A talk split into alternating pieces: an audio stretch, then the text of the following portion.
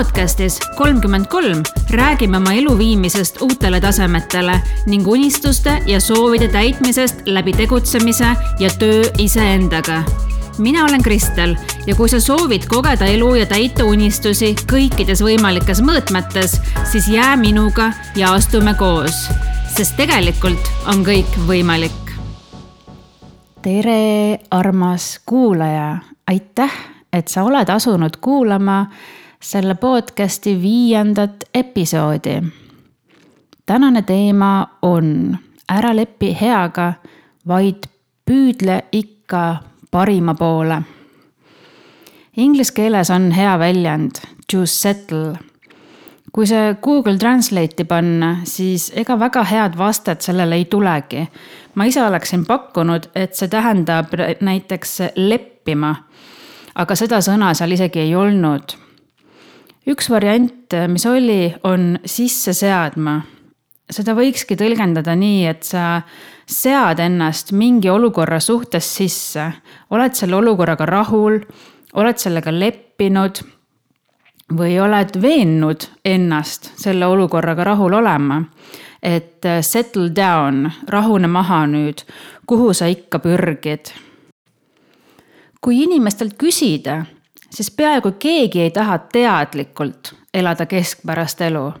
et lihtsalt hommikul ärgata ja õhtul magama minna ja nende kahe hetke vahepeal võiks siis olla kõht mõnusasti täis, lapsed kamandatud ja muidu selline okei okay olla võib-olla mõni tahab, ma ei, ma ei saa öelda, et sellist inimest kindla peale maailmas olemas ei ole. aga mulle tundub, et Äh, isegi kui pealtnäha paistab, et inimene on oma eluga rahul, tal läheb hästi. mitte küll suurepäraselt, aga hästi. kõik toimib, kodu on, pere on, töökoht on, sissetulek on. ma olen täiesti kindel, et need nii-öelda hästi elajad on tegelikult ennast ise veennud rahul olema ja mitte elult enamat soovima inimesele on psühholoogiliselt väga iseloomulik ennast nii-öelda sisse seada, kui on juba piisavalt hea. Sest oleks see ju pidev enesepiinamine, elades täiesti normaalset elu, ikka rahulolematuna kuhugi edasi pürgida ja mitte oma loorbereid lõigata. või kas ikka oleks? aina parema ja parema tahtmist võib võtta kahte moodi üks võimalus on see, et sa oled rahulolematu perfektsionist, alati närviline ja otsid pidevalt asju, mis sulle ei meeldi, ei enda ega ka siis teiste juures.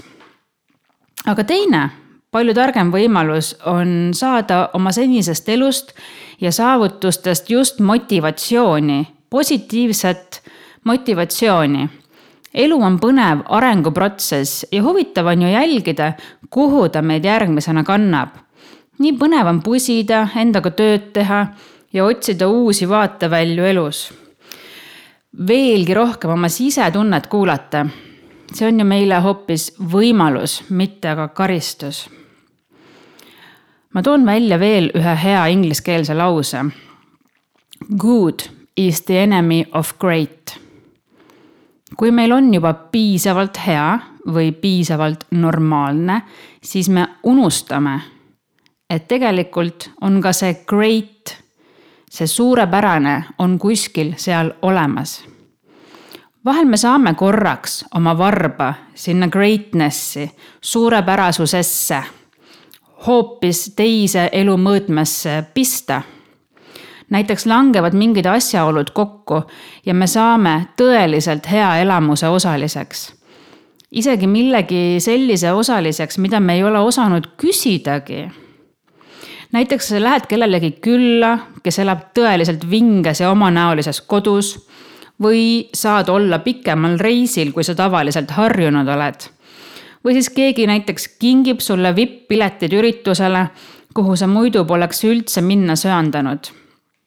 või pereelu on kuidagi äge, sest kõigil sattus hea tuju just samale päevale või siis satud seltskonda, kus keegi räägib näiteks sellest, kuidas ta ainult ringi reisib. nii, ja mis siis tavaline asjade käik on? nii palju, kui ma kuulnud olen, kas siis ise vesteldes või kõrvalt vaadates, on tavalised inimeste reaktsioonid sellised. Vau, mina küll nii ei saaks. oo, tahaks ka, aga. või siis aga no sul veab. ja mis selliste vastuste korral nende ütlejate alateadvuses toimub? alateadvus ütleb meile neid asju. näiteks see, kellel on jutumärkides äge elu, tal on kindlasti mingid eeldused, mida meil ei ole. ta on kas sündinud õigesse perekonda või pärinud geenidega erakordse julguse alateadvus ütleb meile ka seda, et okei okay,, sa tahad seda, aga kas sa tahad ka riskida selle muutusega, mis siis saab, kui nässu läheb? sa ei taha ju ometi võtta seda riski. oota turvalisemat aega. või siis kolmandaks see, mida me tahame, on ühiskonna normidest liiga väljas. mida teised arvavad, mis siis saab, kui mul ei õnnestu ja ma naerualuseks jään ja neljas variant, ah lükkame selle tulevikku. tulevik on selline müstiline ja tore koht, kus kõik head asjad juhtuma hakkavad. ühel heal päeval, kui see ja teine ja kolmas väline tingimus on muutunud, küll ma siis saan ka oma unistusi täitma hakata. ja kui ma kuulen, et keegi ütleb, et tahaks ka, aga, siis ma lihtsalt tahaks seda inimest vahel raputada ma tahaks öelda, et meil kõigil saab ühel hetkel siin elus aeg otsa. mida sa agatad? kelle jaoks sa elad, kelle jaoks sa elad? või siis teine variant, mida ma tahaksin öelda, on see, et aga sa ju tegelikult ei taha. sulle meeldib rääkida, et sa tahaks, aga sul ei ole plaaniski mitte sammukestki oma soovi suunas liigutama hakata ennist mainisin, et vahel saame ennast korraks nii-öelda kasta sinna suurepärasusesse, mida igapäevaelu parasjagu ei paku. ma mäletan, mis tundega ma nooremana soojale maale reisides iga kord lennukist või lennujaamast välja astusin. soe õhk paitab nahka ja mu esimene mõte oli alati, et ah, miks ma iga päev sellises kohas ei ole. Kui olen sinna sooja kätte saanud siis mul ei mahu pähe, kuidas ma üldse olen nõus talvel Eestis olema. Nendel hetkedel, tundes seda sooja õhku oma naha vastas, ma lihtsalt ei saa iseendast aru, et mille kuradi pärast ma lepin, kui mulle see üldse ei meeldi. mulle ei meeldi külm, mulle meeldib soe, aga lähen reisilt koju, ma lepin, ma harjun ma ei karju ju kodus iga päev, kuidas see mulle ei meeldi. see on ikkagi minu normaalsus. ma olen end veennud, et see on minu normaalne elu ja reisil saab käia ainult natukene. alateadlikult loomulikult ma ei ole end teadlikult veennud, et see on minu normaalsus. see protsess on lihtsalt juba enne ära toimunud, kui, kui see jõuab minu pindmistesse teadlikesse mõtetesse aga osa minust õnneks on selles olukorras olnud erapooletu kõrvaltvaataja ja imestanud selle üle, et kuidas ma üldse suudan siin talvel olla, arvestades, kui väga ma naudin olemist soojas kliimas. ja õnneks mul on see teadlikkus, et ma tuletan endale ise meelde, et Kristel, sa oled end veennud leppima ja see ei ole tegelikult see, mida sa päriselt tahad ja mis sul südame rahulolust rõkkama paneb. tõesti, vähemalt ma üldse olen endale esitanud selle küsimuse, et kui nii hea on, siis miks ma iga päev sellises temperatuuris ei ela? ma arvan, et vähemalt pooled inimesed ei julge endale seda küsimust esitadagi Nad ei tule selle pealegi, et unistada sellest, et võiks pikemalt nii kesta. Nad on ju Eestis sündinud ja lapsed käivad koolis ja ise käivad tööl ja nii edasi. see küsimus lihtsalt ei tule pähegi, et äkki võiks midagi teisiti olla kuigi nad armastavad sooja sama palju kui mina ja võib-olla nad vihkavad talve isegi veel rohkem kui mina. Lihtsalt inimene on nii ära programmeeritud, et ei tule selle pealegi, et küsida endale midagi rohkemat. ma tegelikult ei vihka talve, aga lihtsalt oluliselt mugavam on olla valguse ja sooja käes. ja mu point oli lihtsalt see et kohale jõudes ma imestan, miks ma lepin nii palju ja ei ole endale neid võimalusi rohkem tekitanud. Aga jõudes tagasi igapäevaellu, ma harjun selle ebamugavusega ja see eufooria midagi oma elus muutma hakata, see taandub. Sest pigem tundub see ebamugav, kui oma senist harjumuspärast tavaelu jätkata. Õnneks ma olen end siiski aastate jooksul kuulda võtnud ja hakanud rohkem tekitama endale võimalusi elada oma tegelike soovide järgi. see ei ole alati mugav olnud ja erinevaid hirme on esile kerkinud. aga ma olen selle sügava soovi enda sees kõigest muust kõrgemale tõstnud ja selle järgi tegutsenud.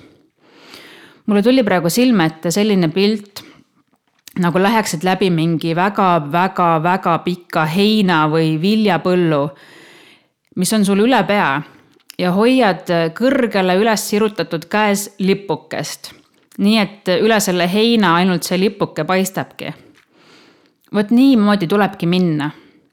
oma soovid kõige üles ja lihtsalt lähed läbi kõigest sellest, mis sinna allapoole jääb igaks juhuks mainin, muidu võib-olla keegi saab valesti aru, et see ei ole ego tasandil läbiminek, et kõnnin või üle laipade, aga pean saama, mida tahan.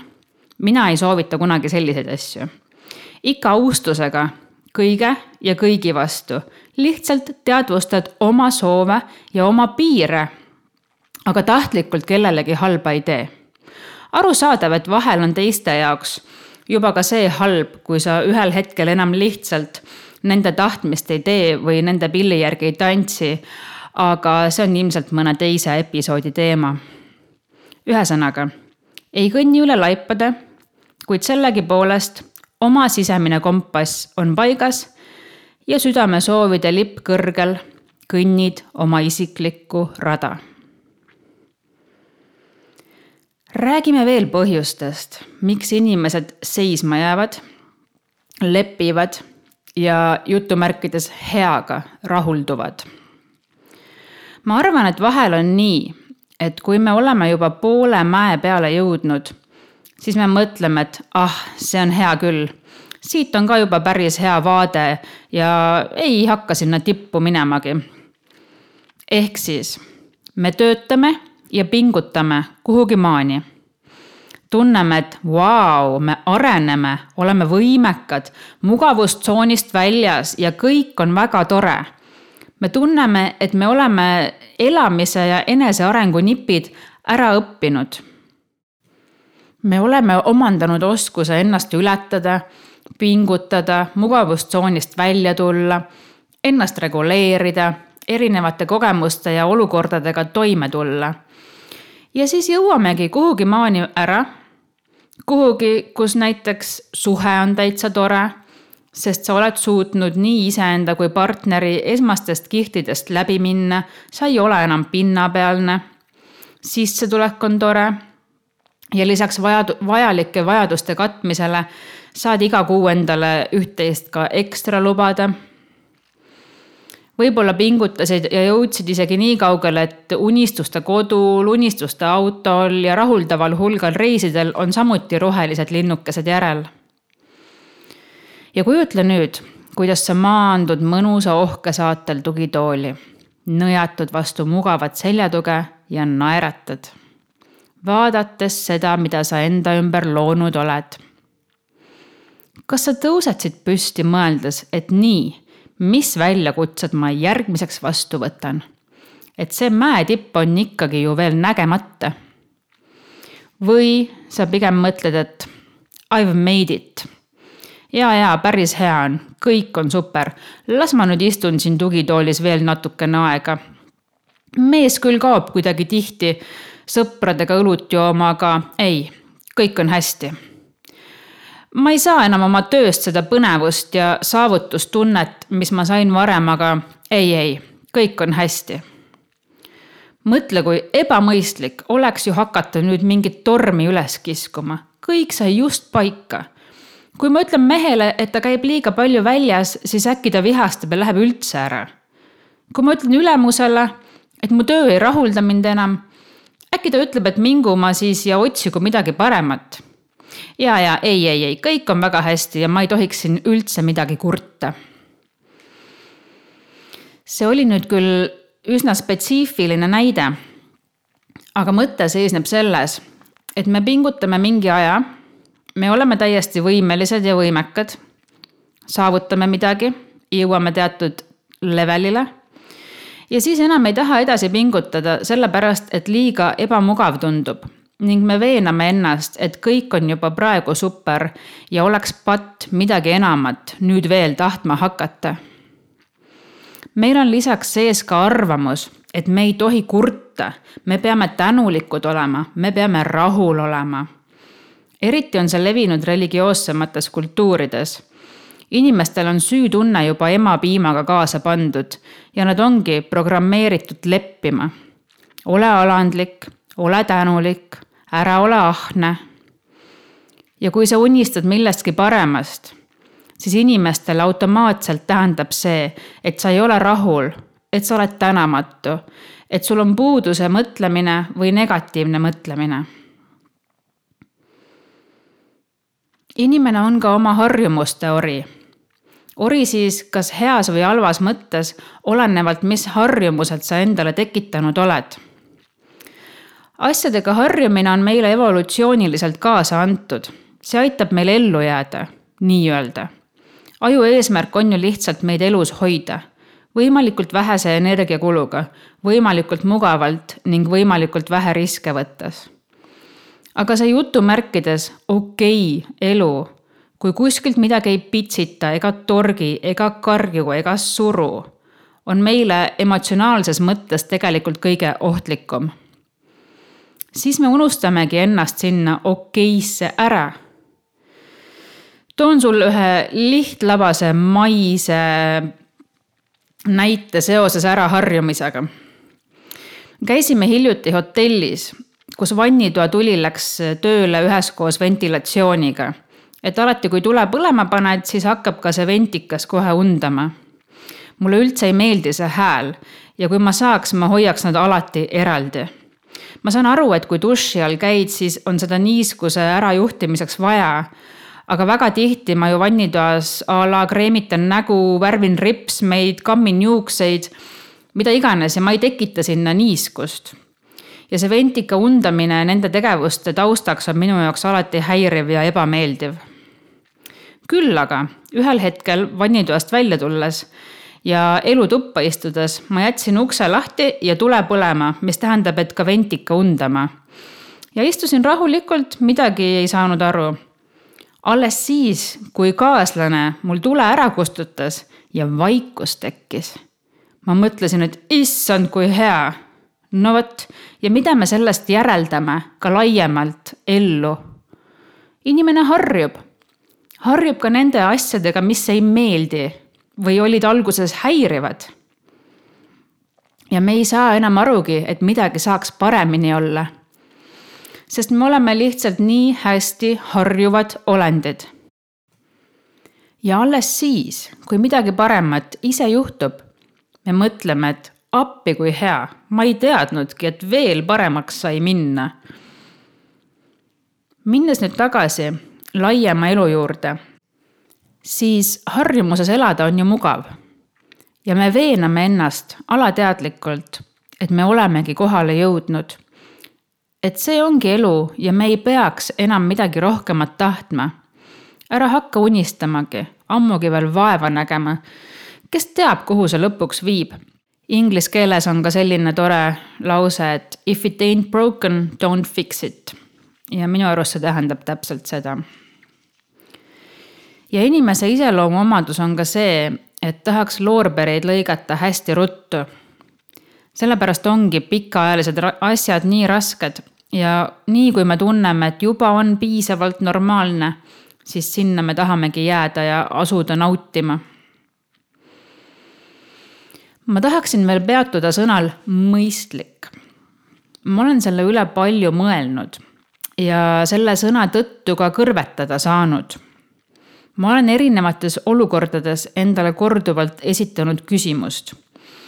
kas peaks toimima nii, nagu on mõistlik või nii, nagu ma tegelikult tunnen, et ma tahan. ja olukordades, kus ma olen valinud mõistlikku, ma olen lõpuks kahetsenud, sellepärast et ma ei valinud ennast, ma ei valinud enda sisetunnet. Muidugi on ka olukordi, kus mõistlik õigustab ennast ja teistpidi toimimine oleks toonud palju keerulisemad tagajärjed. aga oluline on, et oleksid valiku tegemisel teadlik ja paljudel kordadel ikkagi vilistaksid mõistliku peale. vilistaksid selle peale, kuidas ühiskonnas tehakse või kuidas teised teevad. kordan veel kord, et meie aeg eneseteost, teostuseks ja suurepärase elu elamiseks on piiratud ning sõna mõistlik on see, mis meid tihtipeale hoopis tagasi hoiab mõistlikule võib kõrvutada ka sõna realistlik. kui asi ei ole meie jaoks realistlik või mõistlik, siis me seda endale küsida ei julge. aga kui sa viskaksid realistliku kõrvale ja saaksid valida, näiteks kas reisida kaks korda aastas või viis-kuus korda aastas. kui sa saaksid valida, kas olla kohapeal üks nädal või neli nädalat kui sa saaksid valida, kas olla kenas kõikide mugavustega hotellis või tagasihoidlikus, loomulikult sa valiksid endale need paremad variandid. aga me oleme teinud alateadliku otsuse leppida ja elada võimaluste piires, aga mitte neid võimalusi avardada, sest need pole realistlikud missugune on see mõtteprotsess, mis hoiab sind eemale elust, mida sa tegelikult tahad? see on hirm midagi uut proovida ja isegi soovida. inimestel on hirm soovida. häbi on suurelt mõelda, et kes sa nüüd siis enda arvates oled, et selliseid asju tahad. Hirm on välja paista ühiskonnas. hirm on toimida teisiti, kui on normaalne ja teisiti, kui enamik teevad. ja tõesti on hirmus kuulata iseenda südamesoove. hirm, häbi, süütunne, need sõbrad kolmekesi dikteerivad meie elu, meie tervist, meie emotsioone, meie valikuid, meie sissetulekut ja seda, keda me oma ellu tõmbame ja oma ellu lubame mõtleme vaheetapina siinkohal, millised on tavalised nähtused ühiskonnas, täiesti tavalised, igapäevased ehk siis normaalsed. haige olemine ja mööda arste ja apteeke käimine, normaalsus. väsinud olemine, normaalsus. Nelja kuu pärast tuleb puhkus, küll siis välja magan lastel koolis haigelt suur koormus ja nad on tsükli lõpuks nii läbi omadega normaalsus. raha tõttu paljude meeldivate otsuste tegemata jätmine. normaalsus. pahur, stressis, närviline, pidevalt kiire. normaalsus. elukaaslasega tülitseda ja temast oma sõpradega taga rääkida. Normaalsus. keegi isegi ei mõtle, et aga mis siis, kui neid tegureid ei oleks meie mõistus ei küündi sinna, sellepärast et see tundubki ju elu. meil on sisse programmeeritud, et elu peab olema raske. elu ei saa olla lihtne. ja hea, kui sul on aastas mõned kõrghetked, kus sa tunned, et vot see raske töö nüüd ikka oli ennast väärt. aga mitte liiga palju. Muidu sa võid veel unustada halli argipäeva tagasi minna. hall argipäev. argipäev ei pea tegelikult üldsegi mitte hall olema, miks see väljend meile nii tuntud on? ja tea, et kui su argipäev on reaalselt hall, siis sa tegeled oma elu raiskamisega. enamik päevi sa lihtsalt saadad mööda. aga oletame, et meil ongi ju ainult üks elu, vähemalt see, mida me mäletame. kas siis pole kahju? kogu selle mõtteviisi tulemusena leiame ennast nii alateadlikult kui teadlikult ja oma harjumuste tõttu käitumas nii, et me kindlasti ei saavutaks kunagi oma täit potentsiaali ja ei elaks kunagi maksimaalselt võimalikku elu. osaliselt on see jällegi meie ise iseennast üle kavaldamas ja tagasi hoidmas. Alateadvus on need asjad meie jaoks ära otsustanud juba ammu enne, kui need mõtted üldse teadvusesse võiksid jõuda. ja see ei puuduta ainult materiaalseid asju ole endaga aus. et kui ma saaksin elada sada protsenti enda järgi, siis mida ma teeksin? mida ma tahaksin? kas tööl käimine tähendab ikka automaatselt seda, et sa istud kontoris nelikümmend, isegi viiskümmend, kuuskümmend tundi nädalas? kas see, et su laps käib koolis, tähendab automaatselt seda, et sa nüüd võidki reisil käia ainult kooli vaheaegadel. kui mul aeg-ajalt kõikidele oma soovidele mõeldes hirm peale tuleb, siis ma lihtsalt ütlen endale I can have it all. Ja üldse mitte, mitte ülbelt, et mina saan kõik, mis ma tahan, vaid lihtsalt ennast toetava lausena nendel hetkedel, kui mõistus tahab vahele segada ja öelda, et miski pole võimalik või miski pole minu jaoks realistlik. ma toetan ennast lausega, et ma saan endale kõike, ka neid asju, mis ühiskonna arvates teineteist välistavad. et kui midagi saada, siis peab ju millestki loobuma. Ei, I can have it all, ma leian oma tee kas te arvate, et mul ei olnud hirm, kui ma otsustasin, et ma ei pane oma seitsmeaastast last kooli, vaid jätan ta koju enda vastutusele individuaalõppele? päris hirmus oli ja siiamaani on, sest see nii-öelda kool ei ole ju veel tegelikult pihta hakanud. Nende hirmsate otsustega on tihti ka see, et teed selle otsuse ära suht kergelt, aga siis hakkad praadima ja põdema ja lased igasugused huvitavad kõhklused ja kahtlused ligi. vahel otsust vastu võtta on lihtne, kui sa oled teadlik, et mis on see suur pilt, mida sina soovid.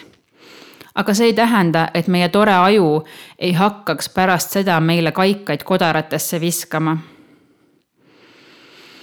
ma toon välja veel ühe põhjuse, mis võib olla selle taga, et inimesel on hästi aga mitte suurepäraselt. enamik inimesi võrdlevad end teiste inimestega, selle asemel, et võrrelda ennast iseendaga. näiteks kui sa sõpruskonnas või töökohal oled juba üks edukamaid, siis see tundubki sulle good enough sellel ei ole tegelikult midagi pistmist sinu tegeliku potentsiaaliga, mida sa võiksid saavutada, tunda, kogeda kuid kuna sa ei kaevu enda sisse, vaid rahuldud enese võrdlemisega nendega, kes on lähedal su ümber, siis oled jällegi ennast veennud, et on juba piisavalt hea küll. räägime korraks ka ettevõtetest. kui ma hakkasin peas keerutama selle episoodi ideed, siis hakkasin mõtlema ka kõikidele ettevõtetele, mis maailmas on. olgu see siis teenindus või tootmine enamasti, kui sa mõnda teenindusasutusse lähed või mõne toote ostad, siis see on okei okay.. ajab asja ära. saad sellega tehtud täpselt selle, mida sellega tege-, teha peab saama ja kui hästi läheb, siis peab see ikka mõni aeg vastu ka. või siis teenindusasutuses saad oma toimingu tehtud, poest kauba ostetud, riided keemilisse antud, pangakontoris konto avatud aga enamasti see kõik on tavaline. ja siis on mõned ettevõtted, kes on nõuks võtnud pakkuda hea asemel suurepärast teenindust või suurepärast toodet või midagi selle teeninduse või tootega ekstra juurde. Nad on vaeva näinud ja endale mantraks võtnud olla suurepärased, olla maailma parimad.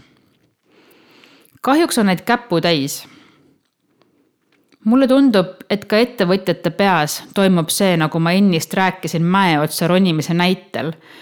et kui on piisavalt normaalne turuosa saavutatud, siis milleks enam pingutada, et järsku mingiks suurepäraseks hakata.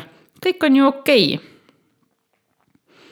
Võib-olla paljud ei julge seda välja öeldagi, et nad tahavad olla maailma parimad, sest kardavad, et nad naerdakse välja. aga kõige olulisem on siht et me teaksime, mida me sihime ja julgeksime seda tunnistada. Pole oluline, kui kaugel me sellest hetkel oleme. kui sa ei ole raamidest väljamõtlemist ja päris iseenda kuulamist veel eriti harjutanud, siis sellest võiksidki alustada. võta aega, et mõelda või kirja panna. et kui sa saaksid elada enda moodi teha enda reeglid, siis kuidas sa elaksid? millised oleksid sinu päevad? millised oleksid su tööpäevad? mida su lapsed teeksid? kuhu ja kui tihti sa reisiksid? Mida sa veel teeksid teisiti kui täna? kuidas sa tegelikult tahad oma elu veeta? selle ainsa elu, mis sul on ja need päevad, mida sa pärast nende möödumist enam mitte kunagi tagasi ei saa. ja ära muretse ülejäänu pärast. et kas see on ebarealistlik või, või mõistlik või ebamõistlik. Või et sa lihtsalt ei kujuta ette, kuidas need asjad võimalikud peaksid olema. esimene samm on lihtsalt teadvustada oma tegelikke südamesoove